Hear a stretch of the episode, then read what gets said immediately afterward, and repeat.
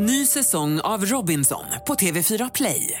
Hetta, storm, hunger. Det har hela tiden varit en kamp. Nu är det blod och tårar. Fan händer just nu. Det. är Detta är inte okej. Robinson 2024, nu fucking kör vi! Streama söndag på TV4 Play. Du lyssnar på en podcast från Expressen. Ansvarig utgivare är Thomas Mattsson. Fler poddar hittar du på expressen.se podcast och på iTunes. Bilar tappar hästkrafter. Tappa inte dina. Nu finns ett nytt premiumdrivmedel på Statoil. Miles Plus. Miles Plus renar motorn och ger din bil mer kraft och acceleration. Läs mer på Statoil.se. Tanka Miles Plus på din närmaste Statoil-station. Välkommen!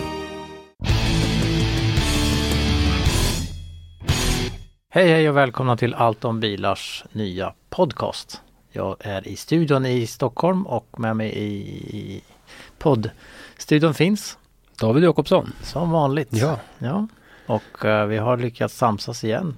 Båda på samma plats på Ja. jorden. Ja, spännande. Men du har ju varit ute och rest idag i alla fall. Jag har rest till eh, Arlanda kan man säga från Stockholm. Ja, men du hoppade inte på någon flygplan den här gången? Nej, jag höll höger innan jag kom fram till själva terminalerna där och eh, landade på Test Track 1.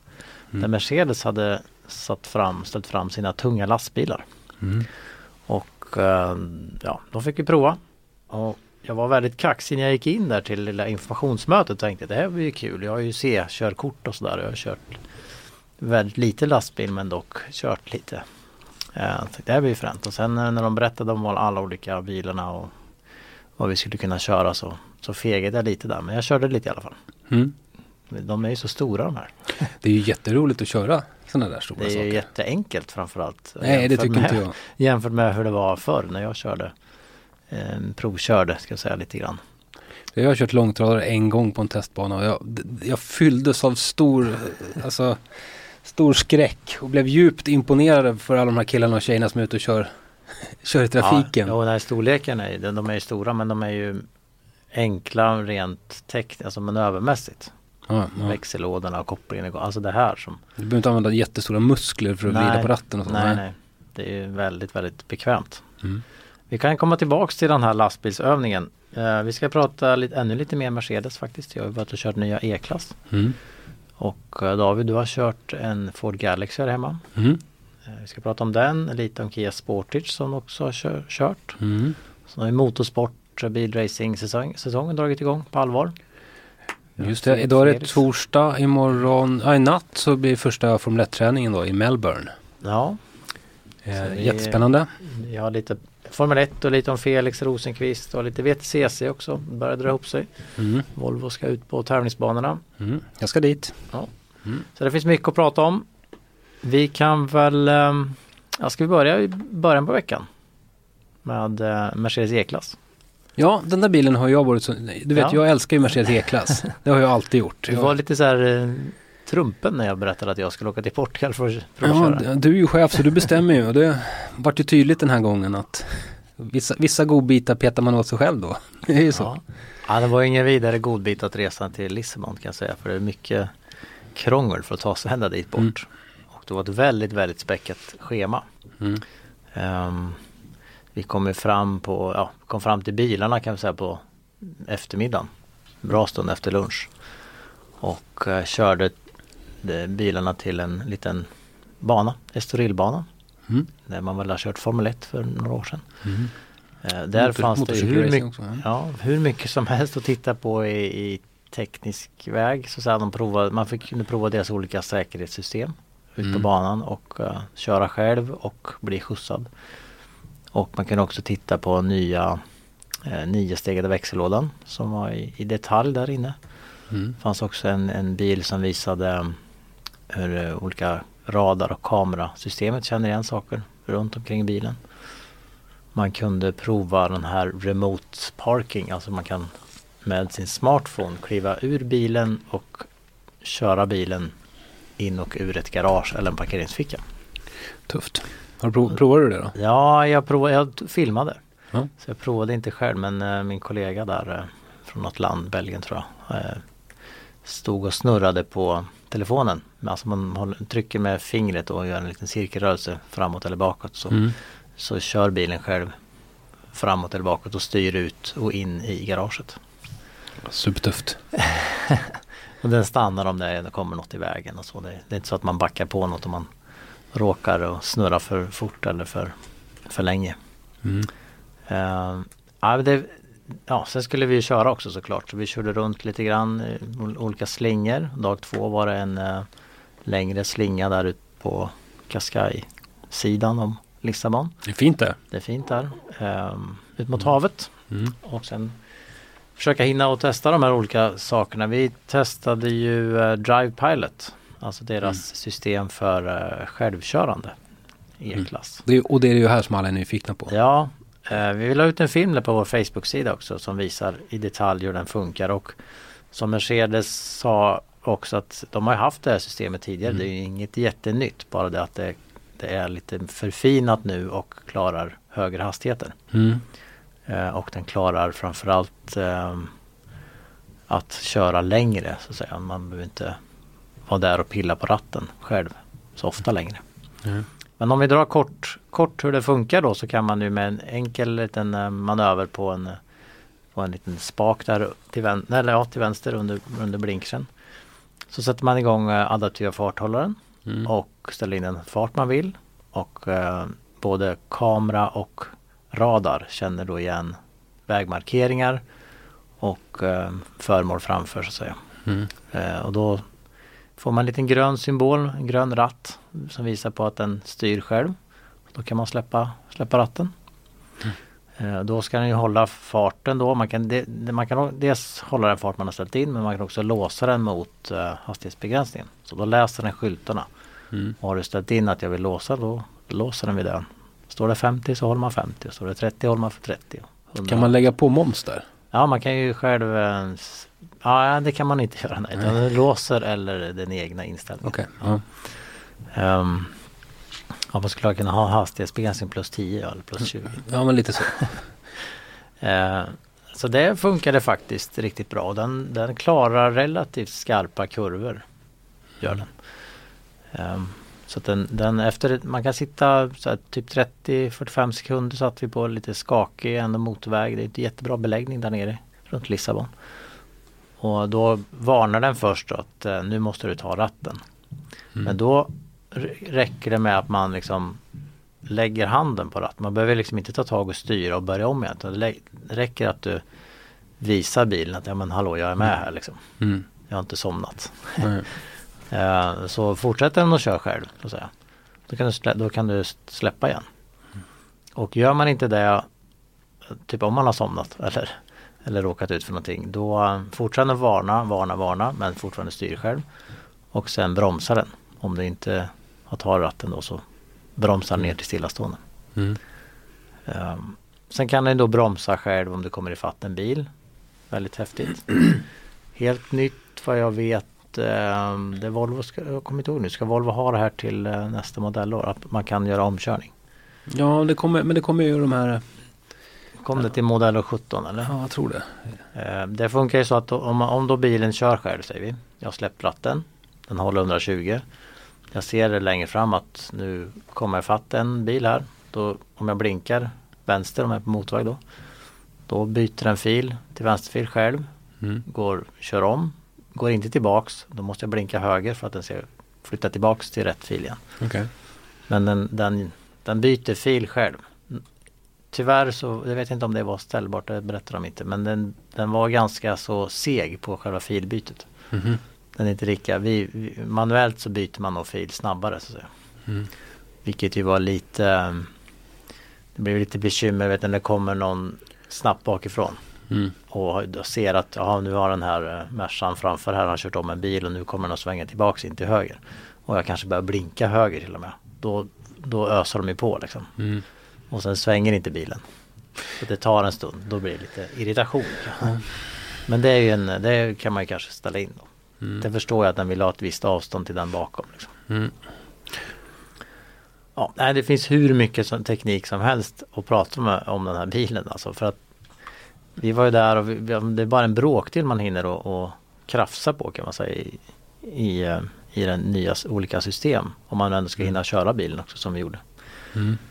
Um, ja, det finns mycket Vi har ju pratat om den här självkörande, vi har pratat om den finns i autobroms. Man kan bromsa ner från 200 kilometer till stillastående om man kommer fatt någon, någon bil och så. Eh, Den har ju pedestrian detection då. Mm. Samma. Det fick vi tyvärr inte köra själva utan, utan Mm. eh, vi fick åka med då. Vi bytte. Instruktör körde mot en eh, eh, krock, litet barndocka som sprang över vägen i en släde. Kan man säga. Mm. Så frågade vi så här, eller några frågade, men varför får vi inte köra själva? För jag menar, vi gjorde ju det här med Volvo för fem år sedan. Mm. Eh, då berättade han att det, att det var fortfarande lite så att det var problem att det kom dit förare och journalister från olika håll som inte riktigt kunde följa instruktionerna. Mm. Utan, utan ville styra eller bromsa själva och då tror ju bilen att ja men nu Mm. har ju föraren tagit över det här så då är det lugnt liksom. Ja det var jag med om när jag var, jag har också varit för Volvo och provat det här. Det var i, innan XC90 kom så att vi en XC90 och fick prova det där systemet. Och då var det någon förare från en konkurrerande tidning som, som gasade på lite extra just i, i den här situationen när barnet kom ut. Och därmed talade om för bilen att nej men Du du, har fel, jag ja. ska ta över situationen. Och det resulterar ju i lite skador på bilen och framförallt på den där dockan och sådär. Så det, Ja. Jag kan nästan förstå att de inte...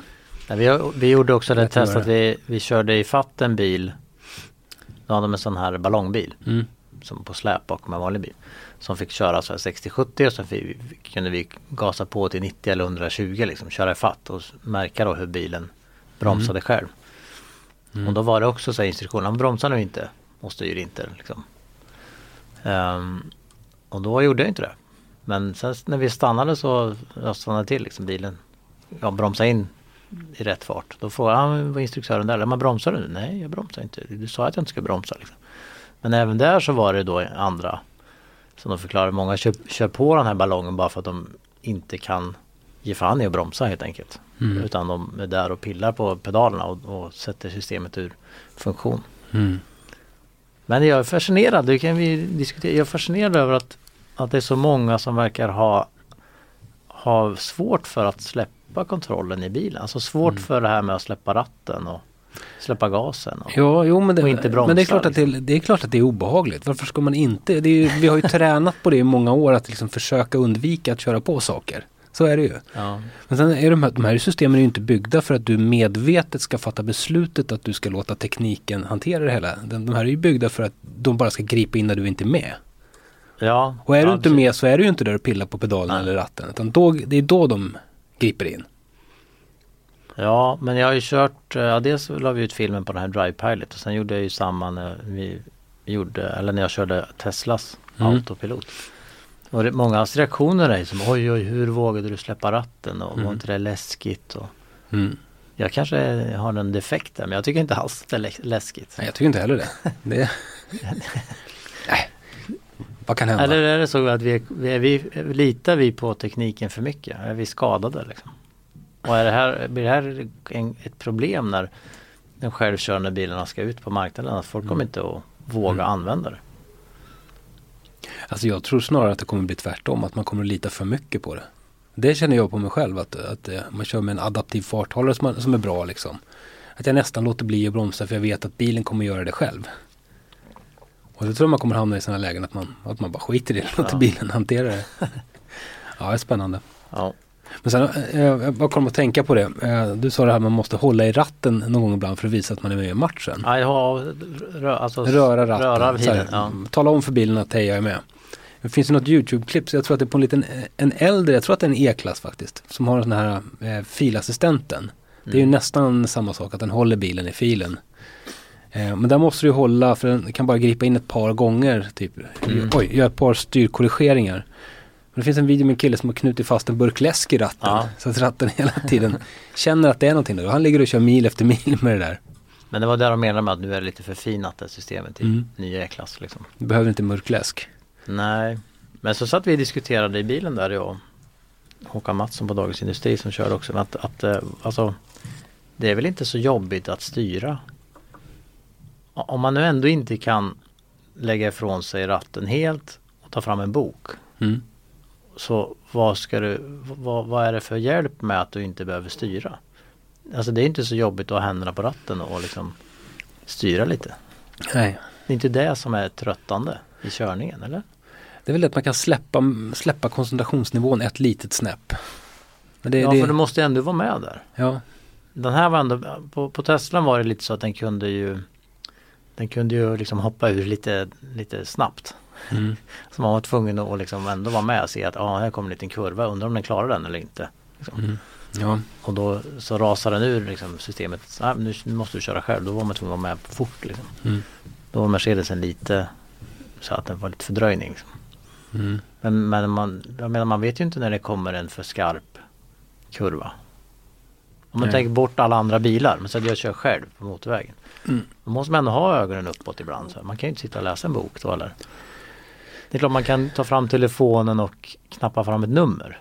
ja det kan till du göra. exempel. Eller ja. ringa, alltså ja, inte, ja, läsa ett kort mail kanske. Man kan tänka sig. Ja, Nej, men det, det var så här, vad, vad tjänar det vad, vad är vinsten med den här? Den nivån av självkörande. Sen förstår jag vinsten om, man, om jag hoppar i en taxi här ute på gatan och, och liksom säger till taxin som är helt förarlös och jag ska till Arlanda och den kör mig dit. Det kan jag ju tänka mig fördelen av. eller ta upp sin laptop och skriva en artikel. Ja. Här får se. Men- Men vi men får väl se det som ett ja, första men- steg. Ja, det, Men du, eh, den, all den här tekniken så är ju så spännande naturligtvis. Men eh, det som eh, jag är mest nyfiken på med Mercedes E-klass, det är ju faktiskt interiören. Jag, jag gick ju i taket när jag såg bilderna på den här nej, interiören. men den här dubbla två 12 tums Ja men de, de har ju, de har ju plockat det här snygga från Mercedes S-klass och så Mm. paketerat ner den i en li, lite ändå eh, sportigare och poppigare E-klass. En, mm. Hur var det i verkligheten? Var, var det sådär bra? Nej jag tycker att det var fantastiskt. Jag tycker de har, de, de, de ligger först vad gäller inredning. Mm. Interiör, design. De, det är ingen som kan, tycker jag, matcha dem riktigt nu. Det var här, den här jättebildskärmen, inte som Tesla som har en stående utan det här var ju två 12-tumsskärmar liggande Mm. från vänster, ja, från förarsidan upp och över hela instrumentpanelen till mitt, ja, drygt mitten på bilen. Eh, det tror jag kommer att, många kommer att ta efter. Mm. Sen var ju inte det här en pekskärm så man kan ju inte swipa och styra saker direkt på skärmen. Mm. Utan man styr den med den här traditionella ratten i mittkonsolen. Den här touchpad som är i mittkonsolen eller två touchpads på ratten. Där den högra touchpaden med höger tumme styr höger bildskärm och den vänstra styr vänster. Och det var lite stökigt liksom. Så man, det var inte helt enkelt och, och, och det var, de är så små och det krävs så små rörelser med tummen så att det var lätt att liksom göra, dra för långt som man säger åt olika håll. Mm. Men det var- behöver man nog vänja sig vid lite grann. Mm. Så man kan egentligen gö- sköta all, allting på fyra olika sätt. Man kan röststyra den, ratten, eh, vredet på mittkonsolen eller touchpaden på mittkonsolen. Mm.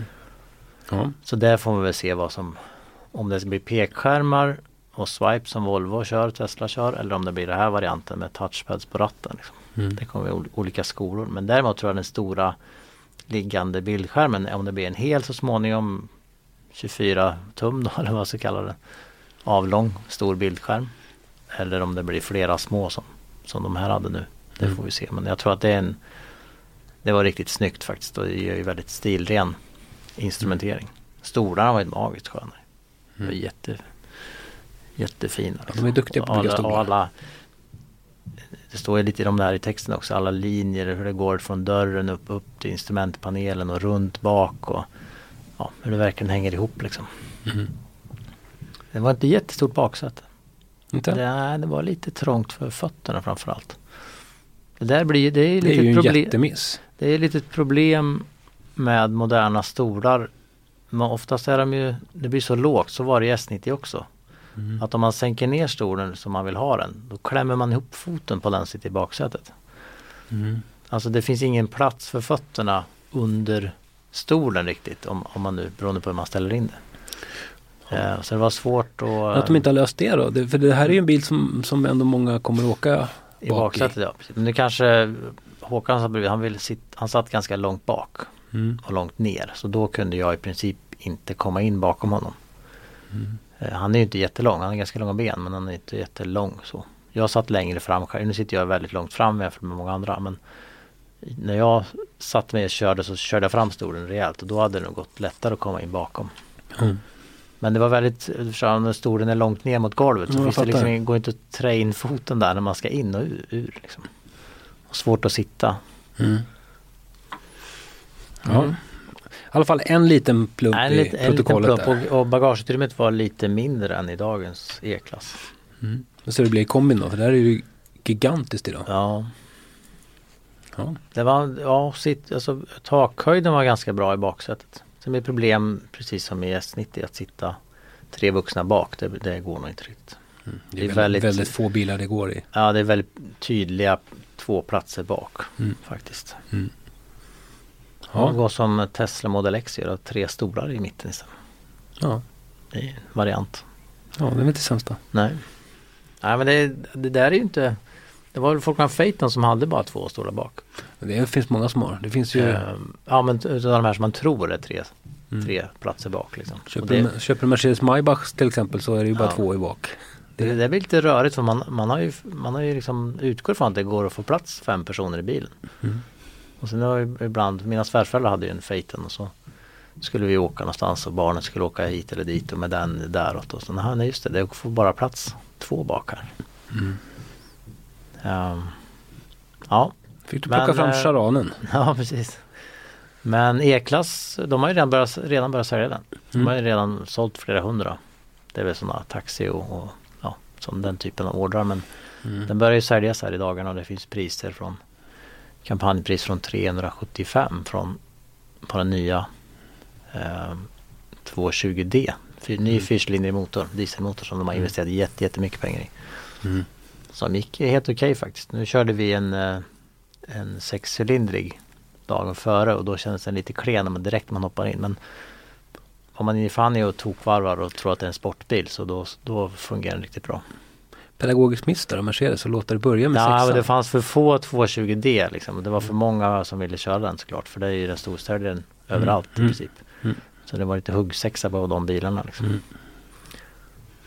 Strate- man får ju strategiskt när man är ute på de här testkörningarna. Man får rätt motor vid rätt tillfälle. Vi Mm. Struntade i den dag ett för det var färre mil på vanlig väg dag ett. Mm. Bara för att kunna säga dag två att nu måste vi köra den. Och sen Mm.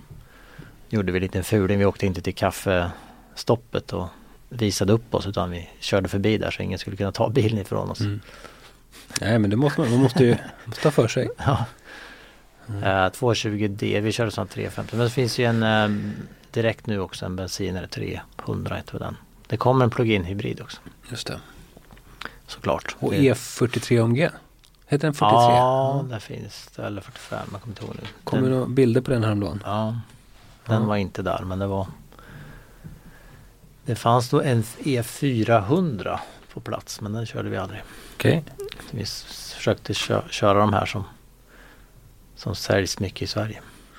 Men det var rätt dyr som vanligt och rätt dyr eh, utrustning. Där alla grejerna De här säkerhetssystemen eh, Kostar ju en del. Och eh, Remote parking, alltså man kan styra med telefonen kostar lite. Och det mesta man vill ha typ kostade 20 000 så att man kan räkna på 100 100 till 140 000 tillägg för utrustning Mm. som man vill ha i bilen. Som du har den bilen du har beskrivit för oss nu så handlar det om en halv miljon. Ja, minst. Ja. T- 375 plus. Ja, 375 var ju kampanjpris i Sverige. Sen var det ju en sån eh, fin inredning också. Alltså med läder och skinn. Och 550 då. Ja, Mm. ungefär. Ja, Det kan man ju räkna. det är bara att börja spara. Eller det är låga räntor nu förresten. Ja. Ja, Nej, det var, det var, vi får se min plan är kanske att kunna skriva lite mer om olika tekniska finesser på hemsidan. Mm. Gå ner, gräva ner sig i detalj om hur vissa saker funkar. tycker jag låter spännande. Men som sagt på vår Facebook-sida så finns det då en film om hur det här Drive Pilot fungerar. Mm. Eh, Ford Galaxy är lika bra. Nej. Nej, eh, alltså Ford Galaxy, Galaxy är en sån där bil som jag önskar lite skulle vara jättebra. Eller så här är det, Ford Galaxy är rätt bra egentligen. Det, det är en, en, eh, en väldigt rymlig eh, familjebil eller MPV eller vad vi ska kalla den. Eh, jättefint lastutrymme, jättebra plats i baksätet. Bra plats om du väljer sjusits. Eh, Den där tredje sätesraden då Är det till, man kan välja bort det eller till? Ja, jag tror man kan välja bort det. Eh, och så går det att fälla alla sätena med, med enkla knapptryck och all, allting finns där sådär i. Skjutdörrar va? Nej, det finns Nej, inte. nej. Och det, det är ju ett jätteminus om man eh, till exempel jämför med eh, nya Charan eller vad heter den? Alhambra. Alhambra. Alhambra. Mm. Sen Som de har kampanjpris på nu, jag har fått veta. För Mm. Fiskat lite efter sådana uppgifter i veckan. Mm. Men sen, sen är, är det någonting med den här Galaxyn att den är, den är, den är väldigt tråkig. Det är faktiskt en tråkig bil att köra och en tråkig bil att titta på. Och en tråkig bil att åka i. Man, komforten är helt okej men allting är lite det, det, det, det finns ingen, ingen eh, känsla Men det grejerna. var väldigt tyst att åka i. Ja, ganska jag. tyst i alla fall. Det är den faktiskt. Det, det är bra. Och Man sitter ju som en påse nötter. Man sitter ju jättelångt bak i bilen. Ja, men ja. Och sen så är det, det är någonting med den där känslan i bilen som, är, som, som gör mig lite deprimerad. Det, det, det är inget roligt. Det är praktiskt och förnuftigt på alla sätt och vis som jag, som jag skrev i min text. Det är praktiskt och förnuftigt men man blir lite deppig över att man behöver köra den här bilen. Men du körde ju Alhambra nyss? Om du jämför Ja, dem. men den det är ju väldigt alltså det är, en- det, tydliga det, konkurrenter. Det- Ja, och det, det är precis samma sak med den bilen när det gäller utrymmen och, och komforten är bra i Alhambran och sådär. Men känslan är lite bättre. Det det är lite mer De har bättre styrning. Eller de, Ja, styrningen är bättre eh, men, men den är lite roligare att köra. Det känns liksom, Mm. Man kör mer bil i den på något sätt. Den känns mindre va? Alltså egentligen. När du kör den. Ja, Känns mer kanske. direkt mer som en vanlig personbil. Ja, lite mer så. Sen brukar jag i och för sig inte ha något emot att köra stora skåpbilar och sådär också men, men det Ja, Men jag åkte ju från eh, lastbilseventet. Jag låg på E4 här. Men kom det upp en Mondeo bakom mig. mm, Och så såg man bara här eh, Aston Martin grillen. mm. Som är så här, är inte det, de borde nästan skämmas för att stjäla en sån designdetalj eller? Jag blir nästan upprörd när man åker och tittar på. Ja, Alltså, man får inte bara göra så, eller? nu äger väl de Aston Martin, är det inte så? Ägde. Ägde, Inte ja. nu längre. Ja, då, då i alla fall när de stal det så ägde de det. Men eh, eh, ja, alltså på Mondeon, ja det kanske hade funkat men på Galaxy, nej. det, det steget är lite väl stort. Ja. Och den görs inte speciellt bra på Galaxyn heller. Bilen ser ut som något konstigt djur i, i fronten. Men Ford överlag känns ju som att de har de, de, har, de, de har tappat någonting. Ja, nå- någonting fattas. Det verkar som de ändå säljer bra i Europa men, men Mm. här liksom. Jag har sett spionbilder på nya Mondeo och de så här, nu ska de göra facelift och grejer och Mm. kommer en ny CSO. så. Men där har de bytt några lampor bara. Mm. Och Nej. ja, ni borde göra om hela bilen direkt. Den är ju jätte, känns jättegammal jämfört med många andra. Mm. Ja, Ja, det är konstigt. det, det, det är kanske det som är med grejen med Galaxy också. Det känns lite gammalt i den på något Ja men sätt. hela instrumenteringen, alla reglage och, och så Men nu har de ändå gjort ett jättelyft ska vi säga i den här Galaxyn. Alltså verkligen städat upp det hela. Så att det, så att det är mycket, mycket bättre översikt och, och eh, ergonomi i grejerna. Liksom det finns en logik i, i vad saker och ting sitter. Men Mm. ändå så känns det det, det känns inget poppigt någonstans. Nej. Det, man blir inte sugen på att eh, sitta och köra den bilen. I alla fall blir inte jag det. Sen är den bra och den är prisvärd. Du har ju liksom eh, Börjar du fullsmeta den där bilen med eh, Det finns fyrhjulsdrift till den och dieselmotor, automatlåda, allt liksom. Du, du är inte långt över 400 000. Nej. Ja. Ja. Nej, Ska vi gå upp en storleksklass till? roligare att prata Lastbil. Roligare, vi går tillbaka till Mercedes, det var Ja, roligare. Mercedes igen ja. Nej men jag var på ett, en övning här där Mercedes visade sitt, ehm, sitt modellprogram för tunga lastbilar. Mm. Får jag nästan ta fram an- anteckningsboken. Ja, du kom Trots att det- precis därifrån. Trots, att- trots att det är ganska färskt då. Men, Eh, de har ju då en Actros som är en fjärrlastbil, alltså en långtradare. De har Antos som är mer här distribution. Tung paket, tunga paket. Mm. Eh, de har eh, Arox som är en entreprenad att köra sten från vägbyggen. Typ. och sen har de Atego som är, är den här lilla distributionsbilen. Välkommen till Göran Eriks Ja. lastbilsskola. Ja precis. Där, där visade de upp här. Mm. De visade också att de har, de har en, eh, utvecklat en ny världsmotor. De satsade 10 miljarder. Då berättade de att det kostade Volvo 8 miljarder typ att ta fram en ny lastbil, lastbilsserie typ. Mm. Eh, som var som de Sverigechefen där eh, på Mercedes som heter Mattias Nilsson berättade att det var en av de största industriinvesteringarna i Sverige. Att utveckla den nya lastbilen. Mm. Men då har alltså eh, Mercedes satsat 10 miljarder bara på motorn.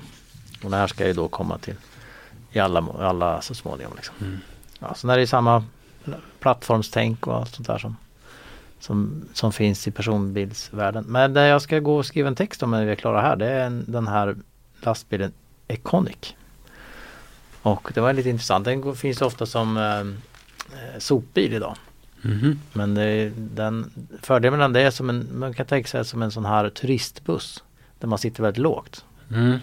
Man, nu har jag sett sådana Mm. jättebussar. Så sitter man typ lika som i en Galaxy Mm. nästan. Mm. Så är den här. Det är mer en sån hytt på den här lastbilen. Vilket gör att den får helt överlägsen, eh, eh, så här, man, man ser ju mycket, mycket bättre i stadstrafik. Mm. Man ser ju liksom cyklister på sidan och så. Som man inte gör i en vanlig lastbil. Liksom. En vanlig lastbilshytt, de beskrev där de hade liksom lite teckningar på vad man ser och inte ser när man sitter och kör lastbil. Och i en vanlig hytt så ser man ju faktiskt inte cyklisterna på högersidan som står på insidan vid trottoaren och väntar på att svänga liksom, eller köra rakt. Mm. Så det är ju inte många men relativt många cykelolyckor då med lastbil. Eh, I London hade det där varit ett jätteproblem tydligen. För de har någon borgmästare där som bygger jättemycket cykelbanor. Mm. Och det resulterade jättemycket, samtidigt som de bygger jättemycket i London och då blir det jättemycket olyckor med lastbil och cyklister. Liksom. Men nu har de tagit fram den här, eller den här har funnits ett tag och så nu ser de att det här ger mycket bättre resultat i stadstrafik. Då. Kan man ha en cykelvänliga lastbilen. Ja det, det är ju bra. Ja. Får man några, några andra fördelar? Till, till exempel eh, vad gör man av utrymmet ovanför hytten nu då? Låter man det vara himmel där eller lastar man? Ja, nej det var ju himmel där. Alltså man, den är ju hög då istället. Men det är väl precis som att gå in i en buss. Det är samma dörr också. Alltså så här Mm. fälldörr liksom. Så om du Mhm. har en sopbil där du går ur och i mycket. Om föraren ska hoppa ur och göra något. Så är det Mm. mycket snabbare att gå ur liksom. Mm. Det är bra. Eh, Jag var faktiskt ute och vågade mig till slut ut- upp i en hytt där och fick köra eh, något, ska vi se vad de, det är så här som i bilvärlden, de har ju massa eh, fina förkortningar på allting. Men de har ett, ett system för att eh, kunna koppla in en framhjulsdrift. Om vi ska f- förklara det smidigt så är det väl så att alltså en timme, timmerbilarna var det klassiska liksom Mm. användningsområdet. Och då åker de runt och har eh, drift på framhjulen alltid. Bara för att de ska kunna ta sig ur ifall de kör fast. När de speciellt när de ska in till något ställe de ska lasta. När bilen är olastad så, så är det ju inte samma tryck på hju- drivhjulen liksom. Och då kör den lätt fast och då har de liksom typ alltid framhjul, framhjulen i drift för att klara de situationerna. Men här kan, kan du då koppla in framhjulsdriften med en liten knapp. Och då fick vi prova där. Så Mm. jag, fick, jag körde en dragbil, sån här eh, trailerdragare. Sen Mm. körde jag ut ganska enkel, eh, så här, det, det var lite grus bara helt enkelt, eller lite sand. Vi körde utanför asfalten. Och direkt så började ju då eh, bakhjulen spinna liksom. Mm. Stannade till där, tryckte på knappen i med framhjulsdriften och så upp, upp. Så det var hur lätt som helst att köra iväg. Mhm. Och, bland, och det där då sparar ju då en massa vikt och bränsleförbrukning när den, när den går på vanlig väg så att säga, när den inte behöver den här att eh, framhjulen driver på liksom. Så det var ju smidigt. Det här systemet fanns tydligen till, i MAN-bilar också, delvis liknande system fast det var lite mer inte så sofistikerat och krävde mer service och sådär. Mm. Ja, vad visade mer? De, de visade sån här eh, ja, speciell koppling som ska funka bättre när man drar tungt i uppförsbackar. Eh, de visade ett litet system för eh, där bilen vet om vad som kom, alltså den, den eh, den vet vad som, om du knappar in vart du ska någonstans så vet den hur den ska köra för att få ner bränsleförbrukningen kan man säga. Den vet att den kan släppa, du kan släppa gasen om du kör en uppförsbacke. För rullenergin i en, en tung lastbil är ganska eh, stor. Så du behöver liksom inte gasa sista fjärdedelen eller sista tredjedelen upp, i en uppförsbacke. Utan den rullar upp själv i rätt fart om du bara Ja, tack Mm. vare den här, eh, eh, den här nya kopplingen. Ja det var mycket, det var Spännande. ny värld delvis. Är du sugen på att byta Köp- bana? by- Byter bana och blir lastbils eh, åkeriägare kanske. Ja. Ja. Nej men det är kul att se, det händer väldigt mycket där. De har, Mercedes har ju då 12, 12 procents eh, marknadsandel i Sverige ungefär. Mm. På den här sidan, tunga lastbilar. Och ehm, de stora är såklart Volvo och Scania. Mm. Och det är lite speciellt, det är väl den enda marknaden, det kan, måste ju vara den enda marknaden i Sverige där du har två så stora lastbilstillverkare på en så liten totalmarknad. Oh ja. Mm. Som ute, ute i världen är ju Mercedes eh, störst typ. Men eh, i Sverige har de då 12 procent. Ja. Men det är tydligen en jättebra fart på försäljningen. De säljer ju jättemycket tunga lastbilar. Så marknaden ökar ju. Då. Får vi se om, det, om de får, tar åt sig fler procent eller om Volvo och Scania håller emot. Det är en väldigt konservativ bransch. Jag säga. Det är väldigt märkestrogna kunder. Jo man kan Ja. inte, det är ju Har man haft Scania så har man Scania. Liksom. Punkt. Ja, visst. Så relationer fram och tillbaka. Med, ja. Ja. Du, eh, jag kommer inte ihåg vad vi skulle prata om mer. Nu har vi, vi hade lite race. Ja, Kia Sportage kan vi ta. Det finns ju en Mercedes vi ska prata om senare. En snabbare. Ja, en liten snabbare Mercedes. Ja. En Mercedes-tema idag. Men Kia Sportage har du nu va, kör runt med? Ja, Ja. jag tänkte, tänkte fråga dig. vad- Du, du körde den där bilen på någon körning utomlands. Ja, Hur upplevde du den? Ja, jag kommer faktiskt inte ihåg men jag, jag tycker att framförallt så var den ju eh, trevlig att köra men fulare än den förra. Mm. Så tystare, trevligare, bättre på många, många sätt men fulare än den förra tycker Mm. jag. Det är olika vad man tycker liksom. Men jag kommer ihåg att det var själva grundstoryn i, i testet. Mm. Jag har hunnit köra den här bilen nu i två dagar. Och jag, jag måste säga att jag blev lite besviken. Musiken på köregenskaper. Alltså att den var ful, det, det, det visste jag ju så att säga. Men den- den är, den är finare inuti än vad den förra var. Det känns, känns mer välgjord. Ja, Det, det gör den ju faktiskt. Eh, och utrymmet i baksätet är bättre i den här. Eh, och det tycker jag var ganska tydligt. Eh, men nu tror jag att det har en hel del att göra att den har dubbfria vinterdäck den här bilen på sig från, från Nuckan Hakkapeliitta sitter på. Eh, men när jag körde, körde den här på E4 så kändes den rent vinglig bilen. Med riktigt risig känsla i styrningen och så att, att det nästan var att jag fick sitta och korrigera jättemycket kunde inte slappna av i körningen utan bilen, bilen ville liksom gärna kränga lite åt höger och vänster sådär. Ehm. Ja man kan verkligen ha med däcken att göra. ja, det kan, Jag var ju hos ABS Wheels här ja, i, i veckan och förklarade, de berättade lite om fälgar och, och däck mm, tillsammans. Men jag kan ta det, vi kan komma in på det nästa vecka. Nu. mm, Jag har skrivit en artikel men eh, de berättade om flera sådana fall att de Det är inte många som kan eh, balansera och fixa hjul överhuvudtaget. Eh, Många, det blir fel. Det är mm, inte så sällan det blir fel. Så det kanske helt enkelt är bara obalanserade. Men det kan också ha mycket att göra med vad det är för vinterdäck. mm. Kan också vara så här att det börjar bli lite för varmt för de där vinterdäcken nu också. Ja, ja vi har haft väldigt fint och varmt väder här. Mm, Eh, Ja det får vi väl nästan. Vi, vi körde i sommardäck, vi var i Barcelona. mm. Så- Ja, det var ju Jag bra har ni... ingen minne av att det var så besvärligt. Och Nej. Det, kan, det kan ju vara någon framvagnsinställning som inte är rätt på just det här exemplaret också. Ja, Någon, för någonting kändes inte riktigt som det skulle. ja, annars är det ju en väldigt populär Ja. bil. De har sålt bra av den. Mm. Men bara för att det är populärt behöver inte betyda Nej, att det är nej, bra. Nej. Men de har ju ändå lyckats, det känns som att de har lyckats byta generationer utan större problem. Mm. Mm. Och många, många vill ju verkligen utmana eh, Qashqai på eller Qashqai och Sportage på den marknaden. Liksom. Mm. Ja, det är ju ett viktigt segment. Ja. Lagom stora SUVar. Mm. Ja, det, Eller det är- crossovers eller vad vi ska kalla har dem. de fått, eh, båda de har fått härja fritt där ganska länge men, Mm. men det är nog kanske slut med det. Kanske är så. Mm. Ja, jag ska köra den här bilen mer och så ska vi se om jag kanske kan få köra den med, Revidera betygen. köra den med, med eh, sommardäck på också. Om vi tar VTCC-äventyret då som Volvo ska ge sig in i. Ja, du det, får ju det är hälsa väl på dem där i, i Knutstorp. Ja, Det tror jag kanske vi har berättat om men nu börjar det bli allvar va? ja vi, kan väl, vi kan väl börja lite med Knutstorp igen då för jag tyckte det var så roligt. jag var, var med i, vid Knutstorp i, i Skåne när de eh, släpade fram sin nya, sin nya tävlingsbil som eh, bygger på en VC, eh, S60. Eh, de släppte fram den för första gången och körde de första metrarna med de här bilarna. Det var Fredrik Ekblom som var först ut med sin bil. Och de har verkligen gått all in med, med den här bilen och med den här satsningen.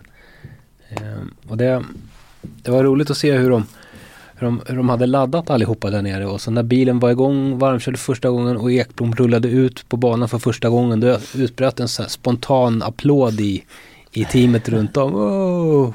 Folk jublade liksom, äntligen rullar det här som vi har jobbat så hårt med. Så var det någon som såg att åh den har bromsljus också. Nej, det, var, det, var, det var ganska kul och Ekblom han var glad som, en, eh, som ett litet barn på julafton. Det var, han älskade ju det där. Eh, men då var de ju, sen var de ju iväg i Italien för ett första officiellt test. Ja, och var riktigt snabba va? Ja, det, det berättade ju Ekblom också om att han och Ted hade satt, eh, Ted Björk som är den andra föraren hade ju sagt till varandra Tänk, tänk om vi är snabba. tänk om vi är snabba. Ja, vi får se. Och det var de ju verkligen på första testet. Det var ju, var ju topptider som de satte där. Ja, jag har hört viskas om att de skulle kunna nå en pallplats kanske i premiären redan. Det känns ju ett otroligt bra Ja, o- om det nu sker. om det sker. Ja. Nu är det ju en helt ny racerbil och det är tuff konkurrens. Och eh, för det första ska ju grejerna hålla. Det är ju det. För det är ju en, det är en speciell sak med, med ett race. Då är det ju verkligen max och du eh, kanske har någon som ligger och trycker på det också. Liksom, ja, nej det går nog inte att jämföra med några få testvarv där man kör. Då kan jag ha kört race-simulering men det är Mm. kanske bara delar av ett race som hinner med då. Liksom. de kan ju pressa grejerna på, på tester så att de ser att det, allting kommer upp i de temperaturer som de ska och se vad händer då. Sitter bultarna kvar? Liksom, håller sig allt. Men, men race kan vad som helst hända. Eh, men det blir ju spännande att se. Det är ju på Paul Ricard i eh, Frankrike som eh, deras premiär begås. Om, eh, Har du koll på vilka är med där mer? Eller sitter en kvar? Eller? Ja, jag, jag är inte alls påläst. Jag kommer att vara otroligt påläst Ja. snart. Du ska åka till premiär? Jag ska ju faktiskt dit. Ja. Ehm, men eh, helt klart är ju att det, det är något häftigt som håller på att hända där. Ja, Det är det ju. Men när jag var där så pratades, pratades det också om som, som teamet att de har en treårsplan för sin satsning. Första året så ska de lära och andra år, året så ska de börja ta segrar och tredje året så ska de ta titeln. Det är det, med samma bil. ja, Mm. det är målet. De har ju inte sagt vilka förare som kommer vara med ända till slutet men det är teamets mål. Mm. Och det här första testet med de tiderna var ju faktiskt lovande. Det känns ju som att det känns som att det kan bli något bra. Mm. Ja men det är väl så de brukar attackera ett mästerskap. Mm. Ehm, sen kan det hända mycket och det kan komma andra konkurrenter som, som plötsligt utvecklar något jättebra. Liksom. Mm. Ja, vi har redan haft framgångar i bilracing. Nu tänker du på Felix ja, Rosenqvist? Felix Rosenqvist gjorde debut i Indy Lights i Mm. helgen i Ja. Sankt Petersburg, Florida.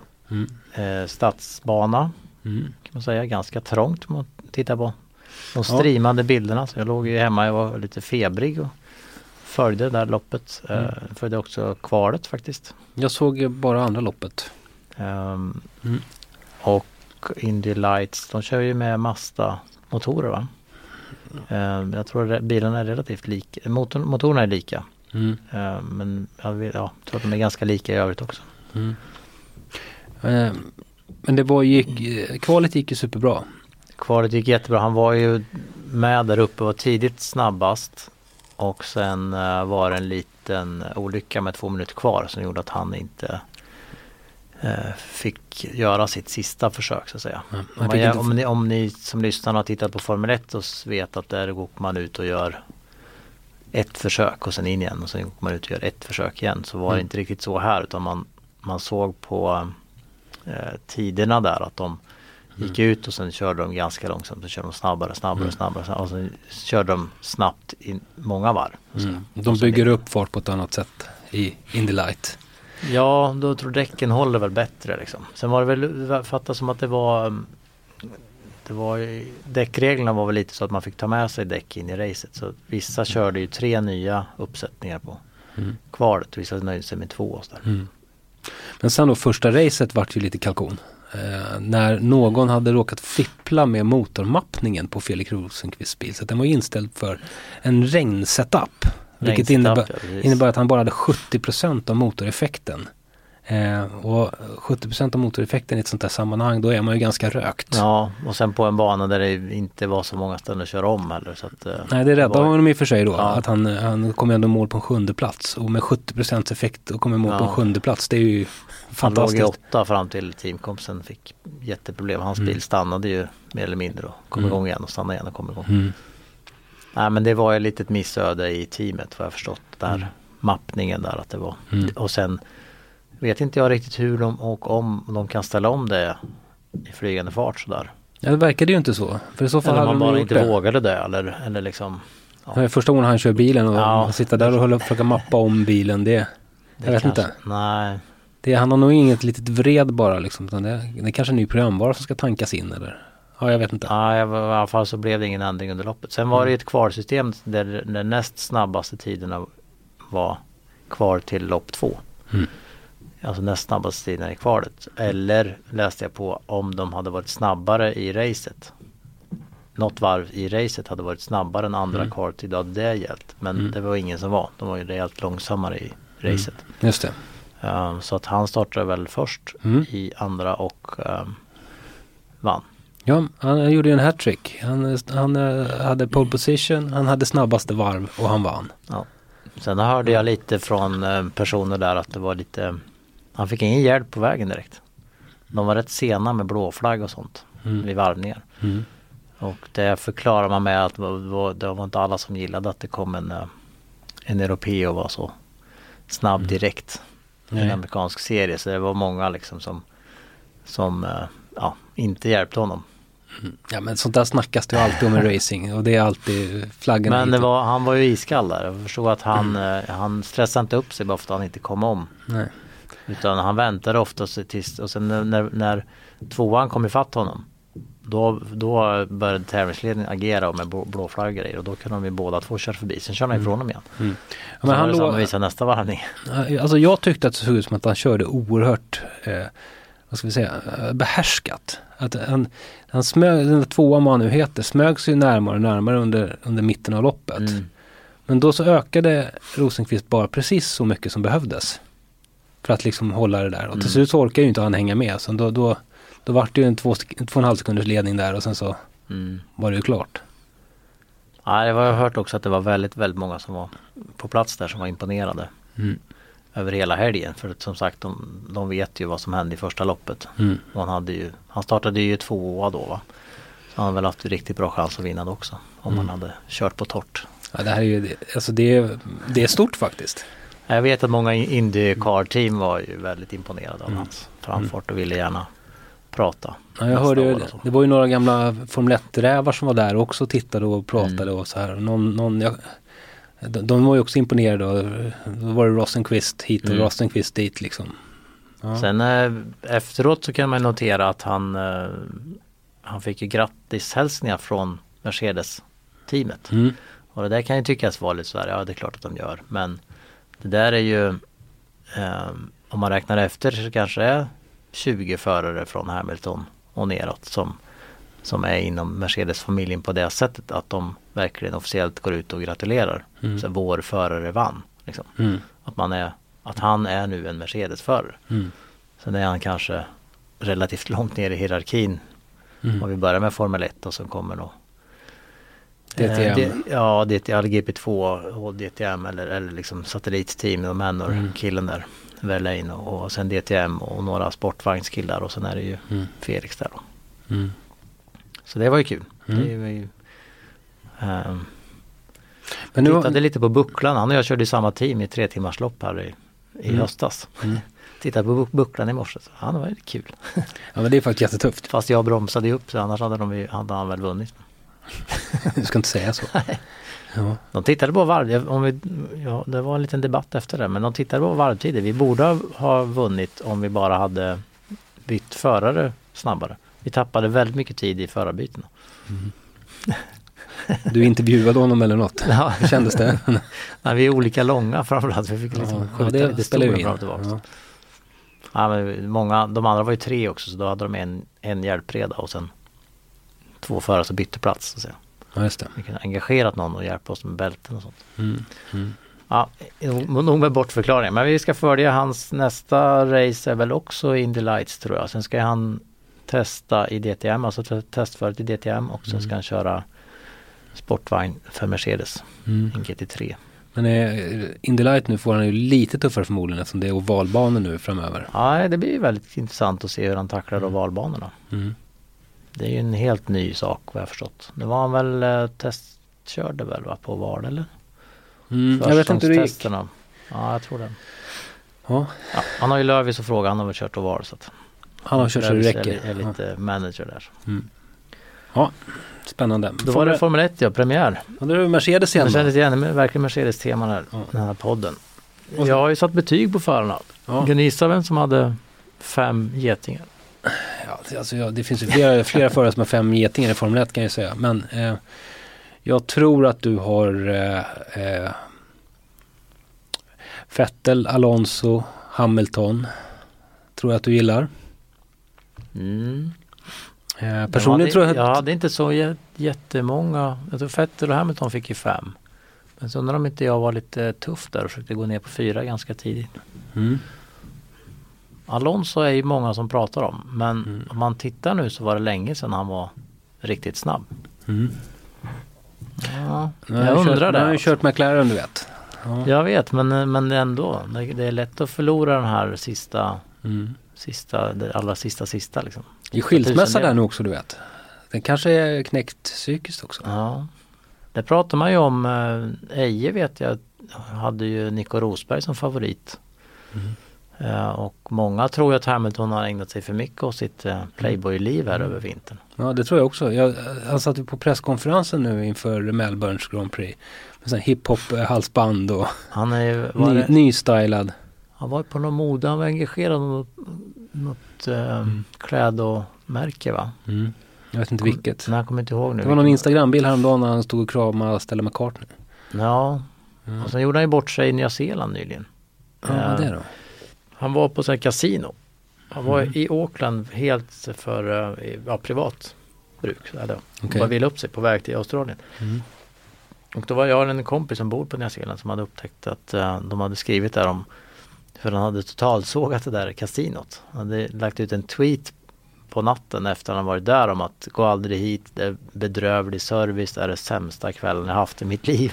Oj. Och så, så tror man att han bodde på hotellet som var vid samma byggnad som kasinot. Mm. Men den här tweeten togs bort efter några timmar. Så jag tror att hotell, hotellet gick ut och, och sa att ja men vi, vi, har, inte, vi har inte fått klarhet i var, vad det är han har upplevt och varför men vi ska ta hand om våra kunder och bla bla bla. Sen plockades den här tweeten bort. Men om det, nu är den, snabba ut, han hade var bara privat så här. Om det nu är den sämsta kvällen han har upplevt då får man ju bara gratulera honom. För att folk har Men han- säkert, andra människor upplever värre saker än att vara på kasino och få lite så här service.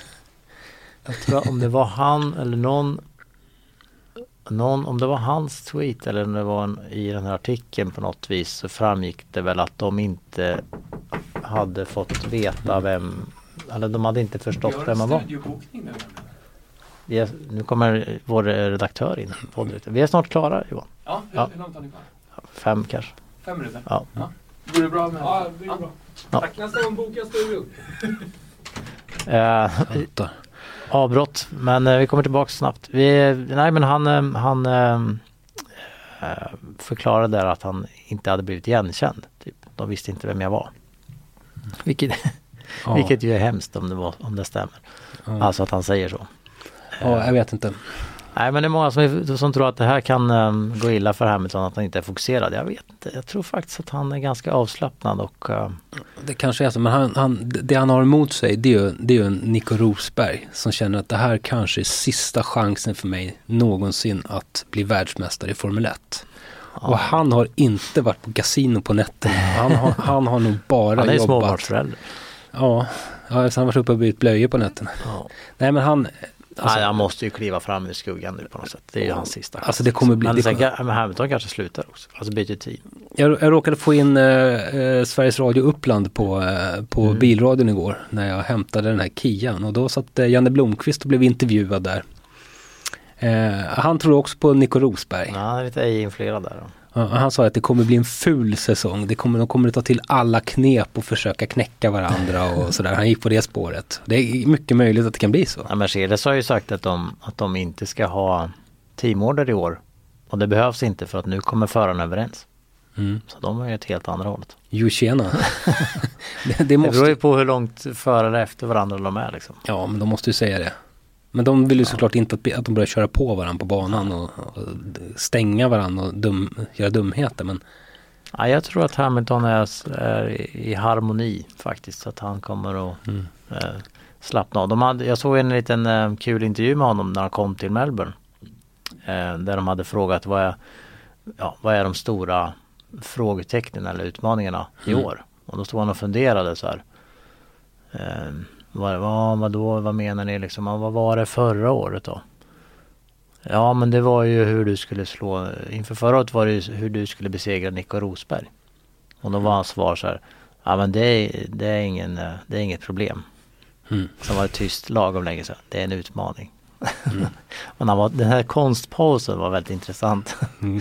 ja, det är inget problem, sen tyst. Sen, sen ska vi inte räkna bort Ferrari. Nej, Under presskonferensen här i Melbourne så sa ju också Lewis Hamilton att, att jag tror att Ferrari har mer i rockärmen än vad de vill ge sken av. ja det pratas ju alltid om sandbagging, alltså att man Mm. mörkar formen Mm. på testerna. Men, Mm. men att Ferrari kanske har mörkat mer än Mercedes. Hamilton verkar i alla fall vara, vara inställd på det. Du, vad säger du? Ska vi låta dem där få eh, ta studion Ja, ifrån vi oss? får, göra- jag får trycka på stopp här. Vi har väl anledning att återkomma då till, till Formel 1 efter premiären. Oj, oj, oj. Och ska vi eh, nämna någonting om Marcus så hop, hoppas vi då att Ferrari har mörkat formen. Att, att Mm. eh, Saubers nya motor som jag tror är det stora frågetecknet att den verkligen håller för ett, att köras på full effekt under ett helt race. Vi återkommer om detta nästa vecka. Höres, tack, Tack, hej. Bilar tappar hästkrafter. Tappa inte dina. Nu finns ett nytt premiumdrivmedel på Statoil. Miles Plus. Miles Plus renar motorn och ger din bil mer kraft och acceleration. Läs mer på Statoil.se. Tanka Miles Plus på din närmaste Statoil-station. Välkommen!